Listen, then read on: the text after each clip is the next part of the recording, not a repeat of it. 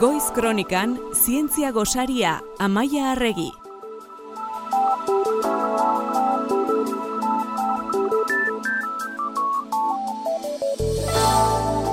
Zientzia Gosarian gaur ikasgelan sartuko gara, baina ez edo zein gelatan. Donostia International Physics Centerrek antolatzen duen luxuzko ikasgela batean. Baizik Amaia Arregi, Donostia International Physics Centerreko zientzialaria eta komunikazio teknikaria egun hona, Amaia. Kaixo, egun honi Izan ere, topaketen amabigarren edizio egintzen duten ostiral honetan bertan. Azaldi guzu, zer dira topaketa hauek? Bai oso pozi gaude, zeren gaina bi urte egon gera ospatu izan gabe, e, COVID-aren ondorioz, eta aurten barri eskuratu dugu, e, 2000 eta behatzen hasi ginen, topaketa hauek egiten, eta egiten duguna da, ekartzen ditugu zientzi, ospea handiko zientzialariak, e, ibilbide importante izan duten zientzialariak e, Euskal Herriko ikasleekin solasteko aukera izan dezaten. Eta bueno, perfil desberdinak, gai desberdinetan ikertu duen jende ekartzen dugu eta eta noski oso importantea emakumeak eta gizonak bai e, zientzian e, denok egiten dugulako lan. Zientzialari gonbidatuek e, DIPCko Pedro Miguel Etxenik e, ezagunak gidatutako solasaldian hartu zuten parte eta esan diguzu ez ziren olaneko gonbidatuak aurkeztu dizkiguzu zein ziren ostiralean, alegiaren egun, e, donostian izan zen dituzten zientzialari horiek. Bueno, igual hoi hartzuna e, gehien eduki duena Albert Ferti bai. izan da, e, fiskako Nobel saria, gainera dula pare bat urte hasi zen Euskal Herriko Unibertsitatean lanean eta DIPCen ere bai, bertako ikerrarekin ari da elkar lanean, eta bueno, ba, oso pozik gaude. Kontatuko duzu pixka zergatik den irabazi zuen esaria. Bai. Bere aurkikuntza magneto erresistentzia erraldoia izan zen, GMR ditzen zaiona, eta GMR hau, bueno, ideia bat egin dezagun, e, da, baina e, ba, e, nano egitura bat da, sandwich e, formako nano egitura bat, eta e, ba, e, egoera konkretu batean, eremu magnetiko baten pean, erresistentziaren jetxira handi bat edukitzen duena. Hori da fenomenoa, berak, topatu zuen fenomenoa, baina ikusi dena izan da, fenomeno hori erabili daitekela informazioaren metaketan, egaitasuna izugarri mm. gotzeko, eta gaur egun oso erabilgarria den zeo zer, eta aplikazio zuzena izan duena. Nobel sari bat beraz, donostian bai. izan berri dugu, eta beste bizentzialari ere bai.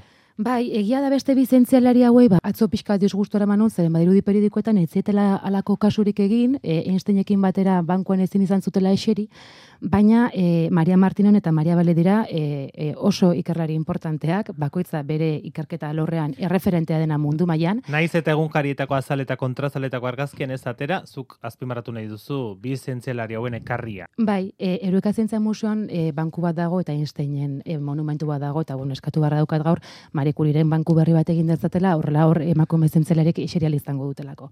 E, Maria Martinon, e, Torres, mediku eta paleoantropologo galiziarra atapurkako ikerketa taldeko e, kidea da, e, mila beratzerun da laro gaita mezortzitik, imaginatu, ba, goi urte baino gehiago darmatza bertan, eta gero giza evoluzioari buruzko ikerketa zentro nazionalaren e, zuzendaria. E, zentro hau e, burgosen dago eta atapurkako indusketa ikerketa taldearekin zuzeneko harremana dauka, ez? Atapurkan Georgian eta Txinan egindako bere ikerketa lanek, lehen europearraren jatorria asian izan zela iraduki dute. Denbora askoz eduki den hipotesia, Afrikatik zuzenan etorri geniala, ba, zalantzan jarriz eta ba, oso importantea da bere ikarpena. Gero Maria Balet, e, kimikari kanariarra da, eta biomaterialen ikerketa esparruan erreferentea estatu mailan. E, zehazki, material zeramiko mesoporetxoak ikertzen ditu e, bi helburu nagusirekin. Alde batetik ezurrak berrera ikiali izateko, e, edo eta farmakoak modu kontrolatuan gure gorputzen askatu izateko. Imagina ezatzen, bai, e, posible da hiru dimentsiotako inprimagailuak erabiliz, implanteak sortzea, eta bertan ezurren eguna sortzeko gai izango diren ama zeluluen kultiboak egitea. Esango nuke inoiz aipatu izan dugula honen inguruko ah, bai? zerbait, bai? Orain esan gain, ez naiz gogoratzen zen, ideiarekin edo zurekin, baina bai, esango nuke aipatu izan dugula. Beraz, pentsa, eh? Iru zientzialari hoiekin, elkarrezketan aritu ziren, hogeita mabos ikastetxetzako, eunda irurogeita mabos ikasle, baina nola kudeatzen da hori amaia? Gainera, aurten egun da irurogeita mabos, COVID-aren gatik, beste urte batzutan irureun ikasle izan ditugu. Bueno, ba, egiten duguna da, ikastetxetatik aina izan ematen dutenean, egialtzen dugu informazioa, gure gonbidatuen inguruan, eta bereiek, ba, beraien ibilbidea eta lana ikerketa e, aztertzen dute, eta bereien galdera bidaltzen dizkigute gero bide, galdera guztioiek tombolantzeko batean sartzen ditugu, eta egunean bertan, zozketa egiten da, zuzenean, eta horrela ikaste desberdinetako ikasleek ba bereien galderak errere egiteko aukera izaten dute. Noski ez dira galdera guztiak ateratzen, zeren bestela ez nuke inoiz bukatuko, baina bueno, ideia da edo nor parte hartu alizatea. Eta gaur Amaia Arria entzun dugu orain arte, baina ez da bakarrik etorri. Ikasle horietako bat dugu gurekin estudioan igande goizonetan, aurkeztu guzu Amaia. Bai, e, gaur Daniel Gaiastegi daukago gurekin. Daniel e, Luberri ikastetxeko ikaslea da, mazazpi urte ditu, antibotarra, ni bezala, kasualidadez. Beraz, batxillergoko ikasleak dira, bai. parte hartzen e, dutenak. Daniel bai. Gaiastegi, egunon? Egunon. Ondo, Daniel? Bai, ondo. Nolakoa izan zen, ostiraleko esperientzia hori, iru zientzialaria hondioiek hor aurrean izatea eta beraia entzutea? Ba, oso oso ona, oso interesgarria iruditu zitzaidan e, iru punta-puntako zientzialari nire aurrean hitz egiten ikustea, eta, bueno, hietaz gain ere Pedro Miguel Etxenik ere entzutea, bera ere punta-puntako zientzialaria da, eta ba, asko ikasi nuen, eta oso esperientzia polita izan zen. Zuk ze galdera zen eraman prestatuta?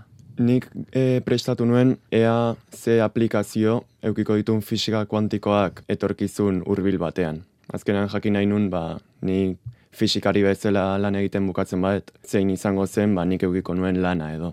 Eta er, erantzuteko aukerarik izan zen? Ez, ez zen tokatu. Tombolan etzen egokitu.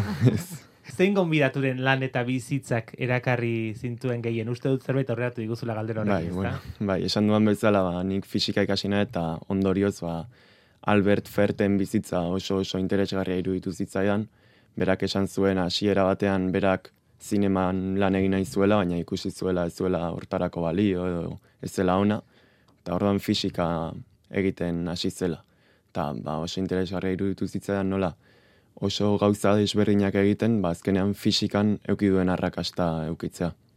Zu beraz, zientzialari izateko gogoa baztenuen aurretik, solasaldiaren ondoren, esango zenuke indartu eta atera zaizula gogo hori? Bai, bai, nik beti da nik jakin izan dut zientzialaria izan nahi duela.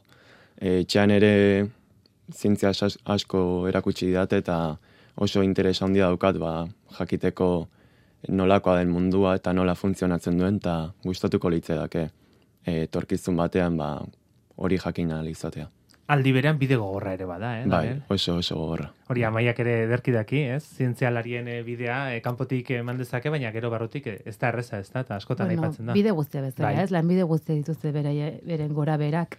Baina, bueno, e, zientzia gustatzen zaionaren zat, ba, iruditzen zait sormenez eta erronkaz betetako. Eta ze garrantzitsua ez da, amaia, amazazpi urteko neskamutilek referente horiekin aurrez aurre egon izatea. Bai, ez dakit esan dudan, baina osa, ideia da, ba, hori bereien inspirazio, bueno, bokazio zientifikoak inspiratzea edo piztea, guk ez dugu hori esango zer egin behar duen bere bizitzarekin, noski, baina bueno, iruditzen zaigu horrelako ekitaldiak laguntzen dutela gertutik ezagutzen gehiago zerten zientzialaria izatea. Azkenan aukera daukate, gadera biografikoak egiteko, gero orokorrak ere bai, ba, ba izan daiteke e, Ukrainaren gerraren inguruan eta Horixe eta gero beraien ikerketari buruz. Galdera horietako bat esaterako eta hemen ez dugu noskitanak aletzerik, baina Ukrainako gerraren kontestuan gizakien izaerari buruzko galdera izan zen Maria Martinoni egin ziotena esan dugu lehen, beste beste atapuerkako industegi horretan bera ikertzailea dela, ba ote dagoen esperantzarik, ez? Galdetu galdetu zioten, Amaia. Bai, berak asko hor hartu du gai honen inguruan, Mariak kontatzen duenez, ataporkako lasima de los huesos delakoan aurkitutako kaskezuren euneko laro gehiak,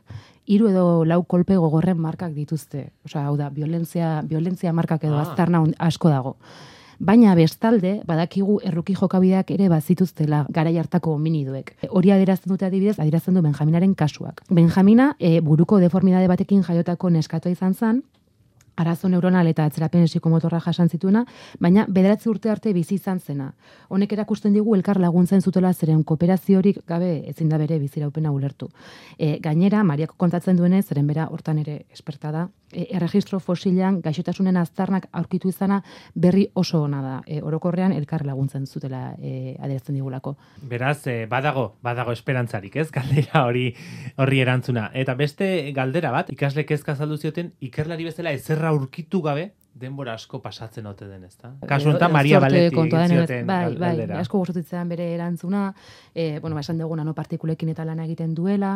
Eta claro, patente pila badituzte, baina oraindik ez da iritsi sendagaia gaixoen ohera. Eta hori da bere helburua, beran ekolukela da 20 urtez hortan lan egin ondoren benetan beraien ikerketa lanak aplikazio hori izango duela eta jenderak laguntua gali izango dutela ikustea baina kontatzen zuenez, ba, katalinkariko ARN mezularia sendatu eta eta immunizatzeko nola erabili ulertu zuen biokimikariak egindako lanak, adibez, hogeita marrurte ditu, eta eta eko bidaren txertoaren zat, e, denbora guzti hori pasatu da.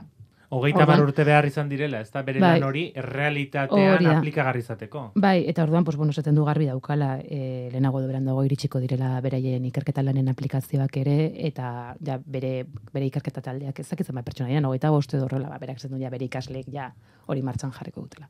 Ba, galderaiek eta beste hainbeste, eta ziur gaur hemen dugun eh, Daniel Gaiastegi lehenago edo, edo beranduago mm. ikusiko dugula zientzia munduan sartuta, ze ikusi dugu era bat eh, irmo dagoela apustu horretan. Daniel, zorterik onena eta mila esker egin diguzu bizitagatik. Mila eh? esker zuei. Eta maia arregi, datorren astean iduia mugikaren eh, txanda. Hori da. Baina tokatuko gara bai. berriro hementxe. Zientzia gozarian gaur, iruko gozaria gustora egon gara. Bai. Mila esker igotz.